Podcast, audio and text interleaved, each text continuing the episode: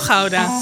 Welkom bij de podcast van ChristenUnie Gouda. Met daarin gesprekken met mensen van deze partij. Over hun dromen, hun geloof, ambities en over de politiek. Mijn naam is Ruud Broekhuizen en tegenover mij zit de fractievoorzitter van de partij, Anna van Popering. Dag Anna. Dag Ruud. Goedemorgen zeggen we, want we zitten op deze zaterdagmorgen. Een beetje ook de stilte na de storm. Storm Eugene is net overgetrokken.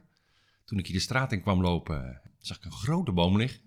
Flinke stormschade in de straat. Was je nog angstig? Toen ik van eh, kantoor naar huis fietste, kwamen ook de dakpannen kwamen van het uh, stuk dakpannen kwamen eraf.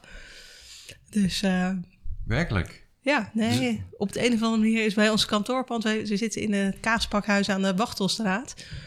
En uh, van dat dak, nou, als het een beetje stormt, dan liggen de dakpannen eraf. Oké. Dus dat is opletten. Het huis is onbeschadigd gebleven. ik heb nog geen rondje buiten nee, precies. Dat moeten we nog maar ik doen. denk van wel, ja. Ik begin altijd even met drie zinnen, waarvan ik wil vragen of jij ze af wil maken. De allereerste. Mijn grootste talent is... Nou, misschien toch wel mijn uh, enthousiasme. Ik vind gewoon ontzettend veel dingen leuk. Een hele brede interesse. En ik kan eigenlijk uh, nou, soms gewoon niet kiezen waar je dan je aandacht aan besteedt. En het leuke is dat je in de politiek met heel veel verschillende thema's te maken krijgt. En dus dat dat juist die kans biedt om heel uh, breed naar dingen te kijken. Ook misschien wel leuk om te vertellen. Ik ben ooit, kon ik ook niet kiezen tussen rechten of politicologie. Toen ben ik ze maar allebei gaan studeren. Ja, toen kwam mijn grote liefde in mijn leven. En toen werd het toch wel heel erg druk. grote liefde en twee studies. Dus toen heb ik politicologie naar mijn propenduizen geparkeerd. En maar dat is altijd ergens blijven kriebelen. En het is natuurlijk geweldig dat ik dat nu al acht jaar weer met elkaar kan combineren.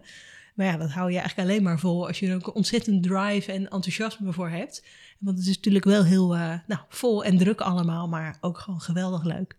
Nu ik fractievoorzitter ben, zal ik zeker. Nou, je wil natuurlijk de stad in, hè? dus mensen ontmoeten en erop uit. Je bent toch het gezicht van de partij en uh, ja, betekent dat je volop naar buiten wilt trainen. De laatste keer dat ik voor iemand gebeden heb, was? Gisteren.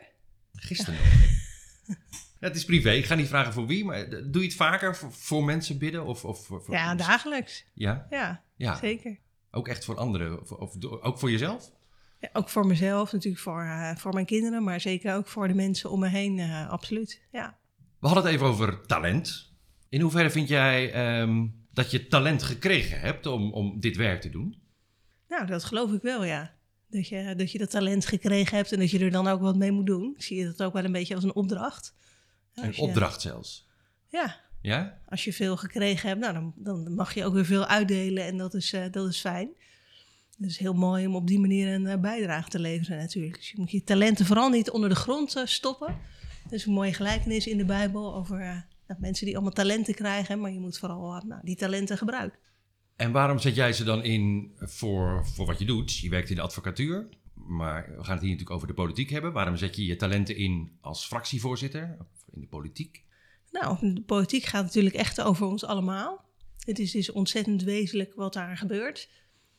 En het gaat ook over nou, hele belangrijke vraagstukken. De komst van bijvoorbeeld een asielzoekerscentrum, maar ook uh, nou, hoe zorgen we nou dat er straks voor iedereen woningen zijn. Hè? Want daar is natuurlijk een enorm tekort naar. Hoe gaan we de energietransitie doen? Dus het zijn ontzettend belangrijke vraagstukken waar je een bijdrage aan kan leveren. En dat vind ik heel erg mooi om te doen. En nu ben je fractievoorzitter, de leider van de groep. Dat is ook een talent. Ja, en ook, ook een talent wat je nog steeds ontwikkelt. Hè? Dus dat, uh, ik heb alweer veel bijgeleerd in die paar maanden, merk ik. Wat, wat voor leider ben je? Wat, hoe, hoe, hoe leid jij de troepen? Nou, ik vind het vooral van uh, belang om met elkaar te doen. En dat is ook wel heel erg ChristenUnie. Als je kijkt, heel veel partijen hebben nou, alleen de lijsttrekker op de verkiezingsposters. Ja, wij hebben een poster van de hele club. Hè? We doen het met elkaar. En uh, ja, dat zijn niet alleen woorden, maar dat zijn ook echt daden.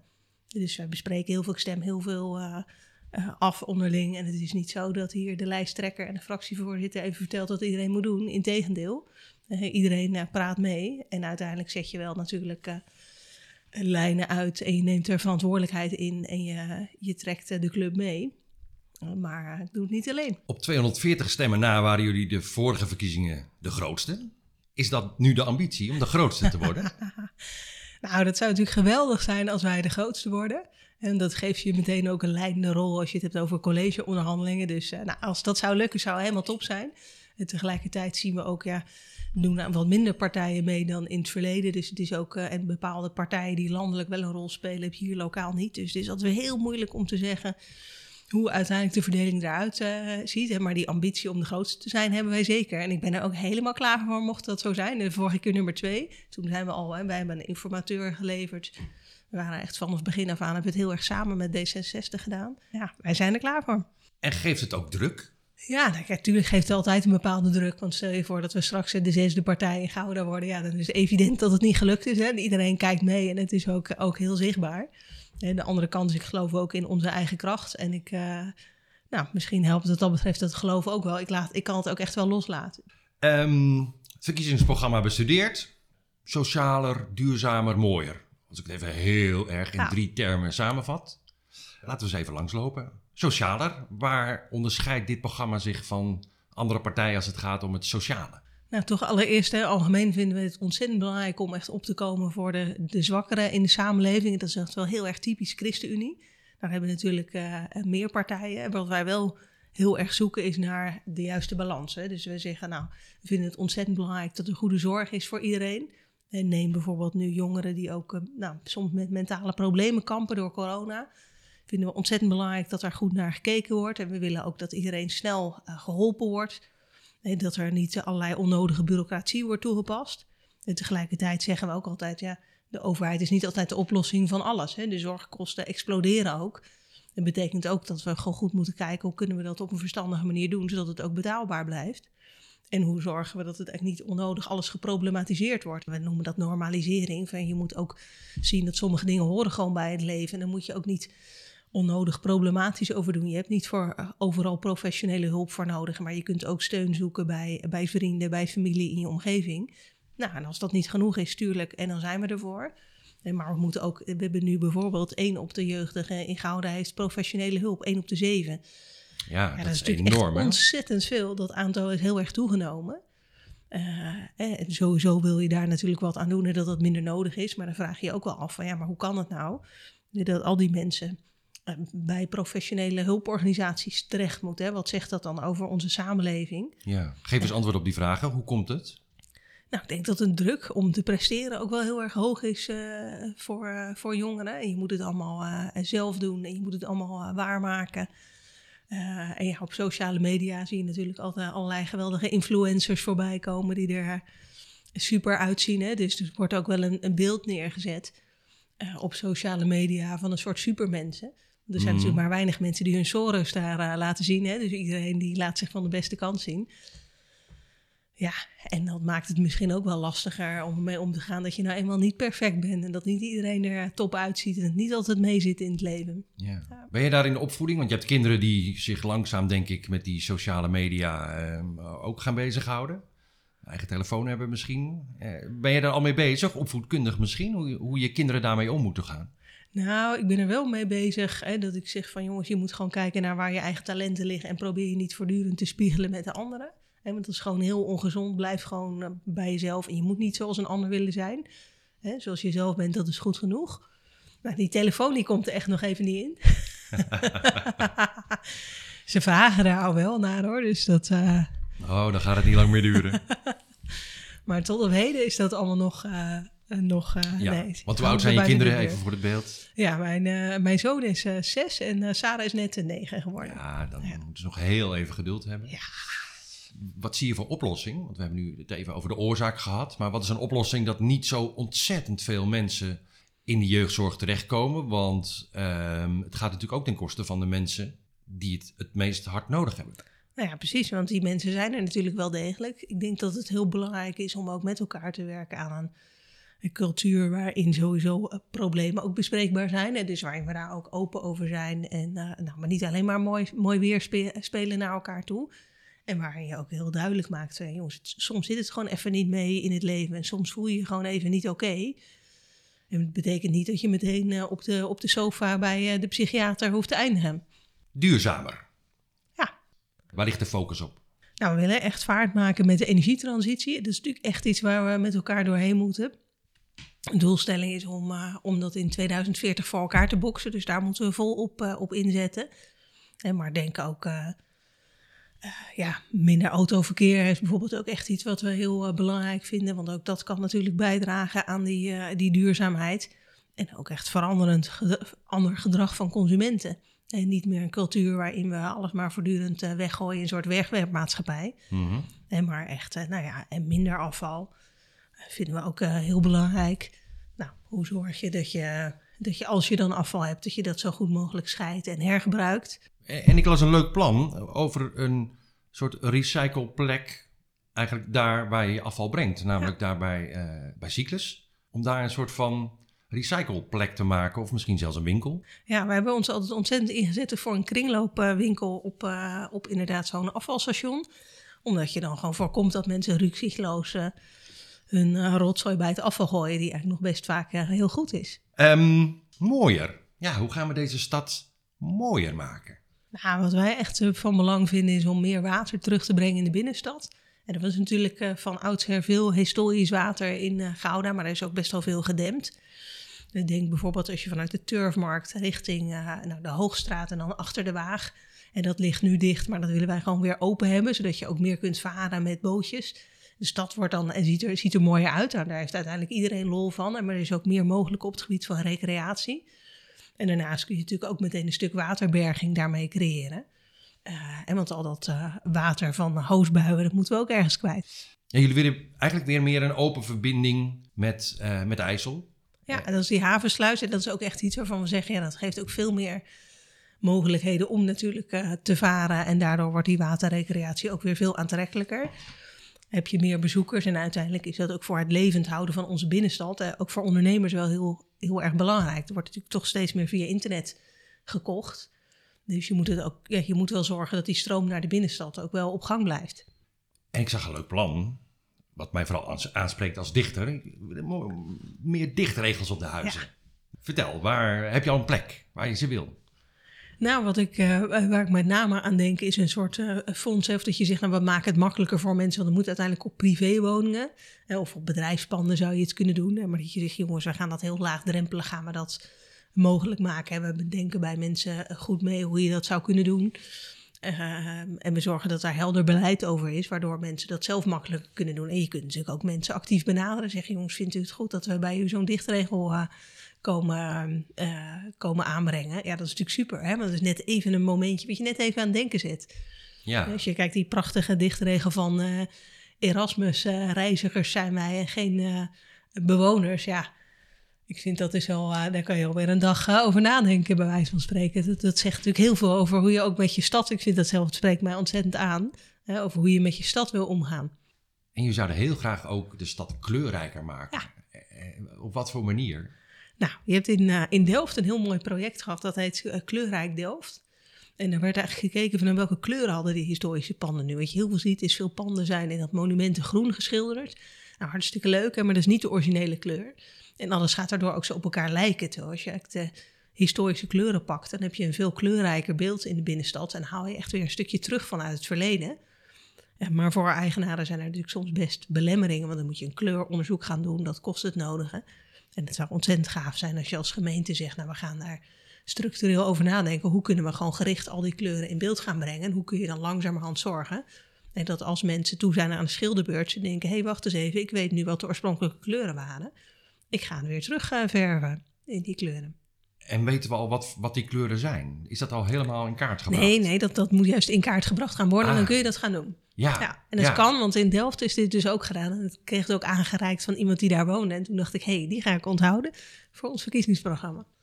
De gemeente, dat zijn wij samen. Dat is een zinnetje wat ik uit het verkiezingsprogramma haal. De inwoners moeten kunnen meedenken met de raad, staat er dan als verduidelijking. Hoe zie je dat voor je? Nou, we vinden met name heel belangrijk dat je echt bij onderwerpen hè, die, die spelen, dat je die input ophaalt. Neem bijvoorbeeld, stel je voor, en je zegt, we gaan een heel gebied gaan we aanpakken. Hè, we gaan ophogen, we gaan misschien bomen kappen, we gaan de weg anders inrichten. Ja, dan moet je natuurlijk in gesprek met burgers. Dat gebeurt nu ook al.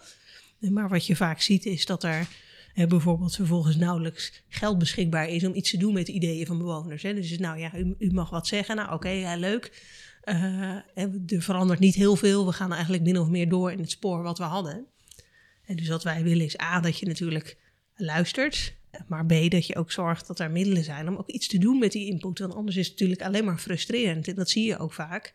En dat er dan wel participatie is, maar die bijvoorbeeld onvoldoende representatief is. Is maar een heel klein clubje. Uh, en dat er, uh, ja, dat er te weinig mee gedaan wordt. En is er de drang wel van de burgers om, om mee te denken? Willen, willen, we, willen wij het? Als het maar dichtbij genoeg komt wel. Oké. Ja. Het moet gaan over jouw straat, over jouw veiligheid, over Precies. je leefomgeving. Ja, als die boom voor je deur staat, dan uh, wil je daar wel wat van vinden. Je ziet als het echt om, om grotere ontwikkelingen gaat die wat minder op het niveau uh, van de eigen straat zijn, is dat gewoon veel lastiger. En zie je toch al vaak ook weer steeds dezelfde mensen. En uiteindelijk is, is natuurlijk gelukkig de politiek daar ook voor om ook mensen te vertegenwoordigen en ook zelf op pad te gaan, actief. Om op zoek te gaan naar, ja, maar wat, wat willen inwoners nu eigenlijk? En om daar inspiratie uit op te halen. Hoe doe jij dat? Want je bent inderdaad natuurlijk zometeen een vertegenwoordiger van ons. Hoe blijf je voeling houden met, met wat er leeft en wat mensen willen en, en, en hoe ga je daarmee aan het werk? Nou, we hebben voor ons verkiezingsprogramma echt een soort tournee gedaan. Dus ik heb bijvoorbeeld het hoofdstuk onderwijs geschreven samen met, uh, met Lennart, onze nummer twee. En we zijn echt langs gegaan bij een aantal scholen om in gesprek te gaan wat willen voordat we ook maar echt een letter op papier hadden gezet. Dus echt helemaal, we zijn echt from scratch begonnen met we gaan gewoon eerst eens even vragen bij, bij scholen, waar lopen jullie nu tegenaan? En wat speelt er? Waar, waar, wat zouden we moeten opschrijven? Wat wil je ons meegeven? En dat waren allemaal ontzettend leuke gesprekken. En ik heb daar ook echt veel inspiratie uit gehaald. Want er wordt natuurlijk veel gesproken over de kloof. Is die kloof er eigenlijk? En er zit natuurlijk altijd een stuk licht tussen wat de politiek doet en uh, uh, ja, de beleving van de individuele burger. Hè. Dus een zekere kloof is er altijd. Ik zeg ook wel eens, ja, dat is op een bepaalde manier goed. Want als, als politici moet je eigenlijk het algemeen belang afwegen. En daarmee moet je eigenlijk die botsende belangen, ja, daar moet je soms een keuze in maken. Er moet, er moet eigenlijk een soort van kloof zijn. Tot op zekere hoogte, hè? want anders, als je, anders zou het, wat je het, het, wat daar tegenover kan staan, is dat je echt individuele belangenbehartiging gaat doen. Hè? Dus dat ik denk van, hé, hey, mijn buurman wil dit. Uh, en dat ik dat één op één ga uiten in de raad. Ja. Hè? Terwijl je soms ook moet zeggen tegen, tegen organisaties of instellingen of, of inwoners die je kent van, ja, ik, ik snap dat jullie dit willen, maar vanuit het algemeen belang maken we toch een andere keus. Dus die kloof moet er voor een gedeelte zijn? Is het voor jou zorgelijk dat die misschien nu zo groot is? Nou, waar ik me wel zorgen over maak is een heel stuk polarisatie. je ziet in de samenleving, het, het, vertrouwen in de politiek is ook afgenomen. Ja, dat is natuurlijk heel, uh, ja, dat vind ik echt een risico. Want als, als inwoners zich niet meer vertegenwoordigd weten door de politiek, ja, dan gaat het natuurlijk helemaal de verkeerde kant op. Hè. Dus in die zin uh, vind ik die kloof op dit moment wel groter dan je zou willen.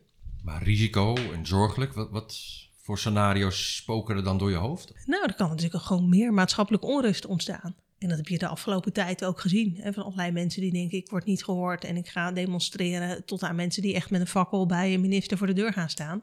Ja, dat, dat wil je niet. Merk jij daar zelf iets van, persoonlijk? Nou, ik ben nooit fysiek bedreigd. Wat je natuurlijk wel ziet, is dat, uh, dat mensen soms per e-mail bijvoorbeeld uh, uit de bocht uh, vliegen. Of zich daarin wat intimiderend opstellen. Is de kloof gegroeid door corona?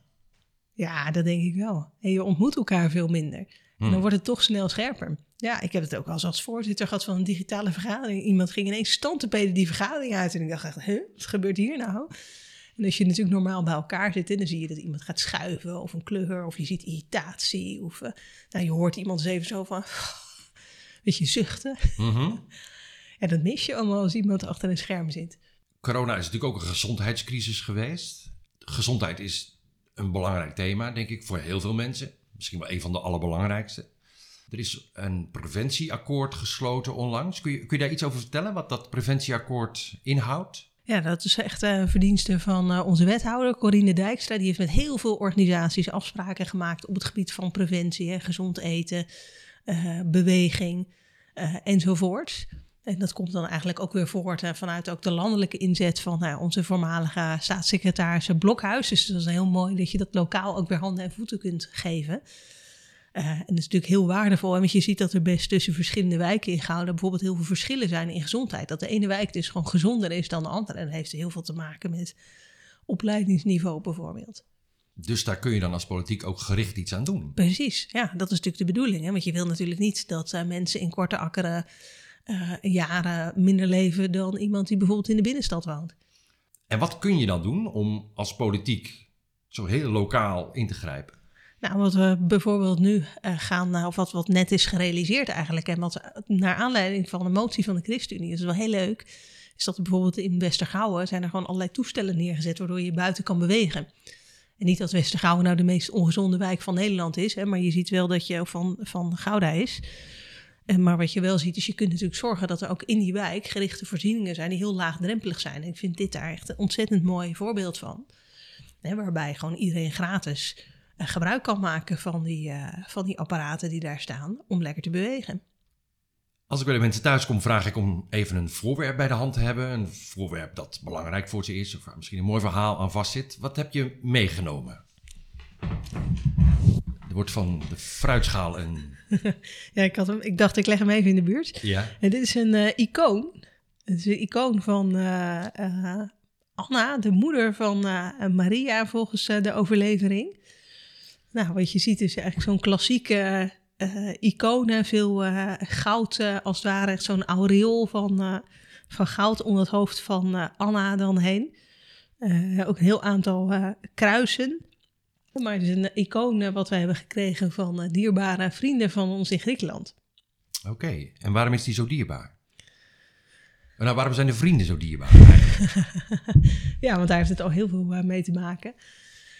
Nou ja, wat, wat ik echt ontzettend mooi vind is hoe gastvrij ze zijn. We zijn nu twee keer bij hen op bezoek geweest op Rodos. En nou, dat is echt ongelooflijk hoe hartelijk je daar wordt ontvangen. Ik vind dat bijna beschamend dat ik denk, nou, daar kunnen wij in Nederland echt nog een hoop van leren hoe hartelijk ze daar, daar zijn.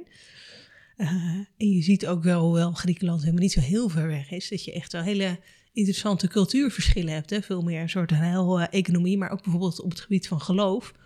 En zie je dat dat ook wel weer heel erg in het dagelijks leven verweven is. Als je het een beetje kan betalen, dan, dan bouw je eigenlijk een soort, nou, een soort kapelletje in je tuin. En hadden deze vrienden hebben dat ook, die een klein kapelletje in de tuin.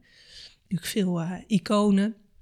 En dus op een bepaalde manier speelt dat, dat geloof ook nog een veel zichtbare, zichtbaardere rol in de samenleving. Waar heb je hem hangen? Normaal? nou, hij staat bij ons uh, in de open haard. Die gebruiken we niet. In de open haard, oké. Okay. ik moest er net ook even het roet van af uh, poetsen, want kennelijk valt er af en toe nog wel iets naar beneden. Maar echt in het centrum uh, van ons huis. En ja, ik vind het wel mooi om, nou ja, toch zo'n religieuze afbeelding nou, tot centrum van onze woonkamer te maken. Omdat het natuurlijk ook wel iets zegt over de plek van het geloven uiteindelijk in mijn leven. Is voor jou nog wel even de zoektocht geweest, hè? Naar, ja, naar je geloof.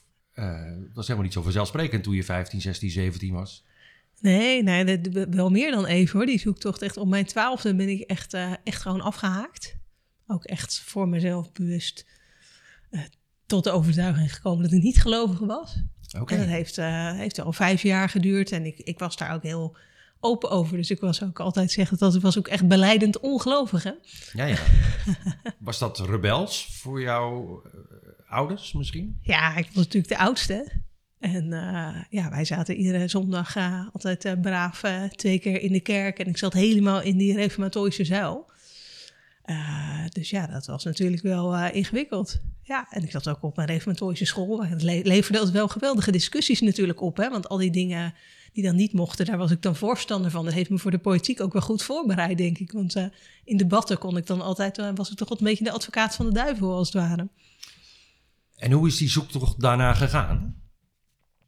Nou, wat je wel merkte, op een bepaalde manier heeft dat geloof me nooit helemaal, nooit helemaal losgelaten. En dat kwam natuurlijk ook wel, ja, je zit op een christelijke school, al mijn klasgenoten waren eigenlijk wel gelovig. Mijn ouders waren natuurlijk gelovig, dus je wordt daar nog wel heel veel mee geconfronteerd. Het is niet zo makkelijk om daar dan van, uh, van los te komen. En, maar het was voor mezelf ook wel heel erg een zoektocht. Ik ben ook altijd wel heel erg bezig met zingeving. Ik heb wel heel veel ja, behoefte aan diepgang. En ik worstelde voor mezelf wel heel erg met de vraag van... ja jongens, is dit dan, is dit dan alles? Uh, is dit het dan? Dus op een bepaalde manier miste ik het ook wel, uh, denk ik. En uh, ja, gaandeweg merkte ik toch, ja, het liet me niet los. En heb ik op een gegeven moment me er toch, toch weer aan overgegeven, als het ware. Is er dan ook een moment geweest dat het ook dat, dat het viel, het kwartje? Ja, dat is er wel, uh, wel geweest. als op, op tweede Pinksterdag. We waren onderweg naar huis vanaf een, uh, volgens mij een, uh, ja, een familiebijeenkomst of zo, ergens bij een uh, oom en tante. Toen had ik echt heel erg, op de een of andere manier kwam het ontzettend binnen. Hè? Dat besef, het kan gewoon niet zo zijn dat er gewoon geen God is, dat er allemaal totaal geen doel dient. Hè? Waarbij er natuurlijk zoveel mensen en soms ook heel veel ellende op de wereld is. Dat het allemaal een soort uh, nou ja, macabere grap is, als het ware, zonder dat, er enige, dat het allemaal enige betekenis heeft die kwam toen wel heel erg binnen en was voor mij ook wel ja, toch een soort besef waardoor je denkt, nou ik ga me toch een soort vastklampen aan, uh, ja, toch aan, of ik ga toch echt die, die zoektocht. Uh, ja, ik maak daarin, nou, ik, ik ga er gewoon voor, ondanks dat ik nog steeds heel veel vragen heb. Hè, maar ik geef me toch op een bepaalde manier soort over aan, aan dat geloven en aan God eigenlijk. En in hoeverre neem je dat geloof en, en de Bijbel mee in je dagelijks werk van politicus? En je gelooft uiteindelijk dat je alles in je leven, dat je dat ook van God gekregen hebt. Hè? Dus je denkt niet van, jongens, maar ik werk nou eenmaal zo hard en ik ben nou eenmaal uh, uh, zo goed bezig. Dus uh, jongens, alles is voor Bassie als het ware. Hè? Maar ik, ik geloof dat je, het, dat je het gekregen hebt en dat je daar ook weer van mag uitdelen. En hoe kan je nou zelf tevreden zijn op het moment dat jij denkt, nou jongens, ik heb het lekker goed in, mijn, in mijn eigen huis. En maar een ander die heeft niks. Uh, en voor hetzelfde geld was jij op de plek van die ander beland. Nee, het is allemaal geen eigen verdienste. Uh, en maar dat is ook hoe je, hoe je uiteindelijk naar de aarde kijkt. Hè. Het is als het ware Godschepping. Uh, en het is niet aan ons om, nou, om die maar eindeloos te exploiteren. Misschien vond je daarom die gift wel zo mooi. dat, dat mensen dat met je delen. Ja, ik vond dat delen ook ontzettend mooi. En dat die gastvrijheid, dat uitdelen. En je ziet dat dat...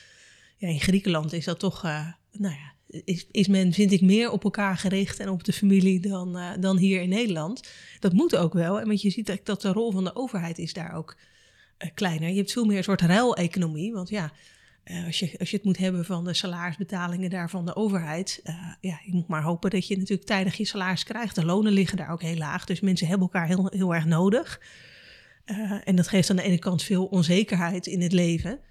aan de andere kant zorgt dat er ook wel weer voor heel veel verbinding en dat je het met elkaar doet. Maar ik proef aan je dat je het een beetje mist hier. Dat we hier misschien te veel op onszelf en, en te veel ikke, ikke, ikke. Ja, dat denk ik wel. Ja, ik denk dat we echt nog meer naar elkaar moeten omkijken. Uh, en als overheid kan je dat stimuleren, maar uiteindelijk moet je ook, ja, is dat wat je ook wel noemt de kracht van de samenleving. En wij noemen dat ook samen redzaam zijn. En zegt Corine dat vaak heel mooi.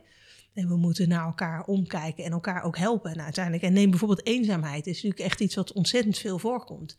Ja, dan kun je natuurlijk zeggen, ik stuur een ambtenaar langs bij alle mensen die eenzaam zijn. Ja, maar dat is natuurlijk uiteindelijk, en moet het, moeten dat de buren zijn, de vrienden, de bekenden, die zeggen van, joh, hoe is het met je, kom eens een keer een kop koffie drinken. Uh, ja, zo'n samenleving zou ik willen. Is dat vak niet ontzettend moeilijk als politicus? Dat je continu dat evenwicht moet zoeken tot wat ga ik voor mensen regelen en wat laat ik de mensen gewoon zelf uitzoeken? Ja, dat is, dat is zeker uh, uh, moeilijk, maar gelukkig zien we dat er ook wel heel veel vanuit de samenleving zelf komt. Hè. We hebben nu bijvoorbeeld en leedstraten in Gouda, hè, waarbij mensen met een klein potje als het ware de mogelijkheid krijgen om iets leuks te doen voor de mensen in de omgeving. Dat is natuurlijk super mooi, maar ik heb het zelf ook persoonlijk hier in de straat gezien. Hè. We hebben bijvoorbeeld een rooster voor uh, een, een, kookrooster voor mensen die hier verderop in de straat wonen en die uh, te maken hebben met een ernstig ziek kind. En om de beurt, nou, komen we daar twee dagen in de week wordt daar eten gebracht. En ik, ja, dat is gewoon geweldig. Dat is binnen no time geregeld. Iedereen wil meedoen.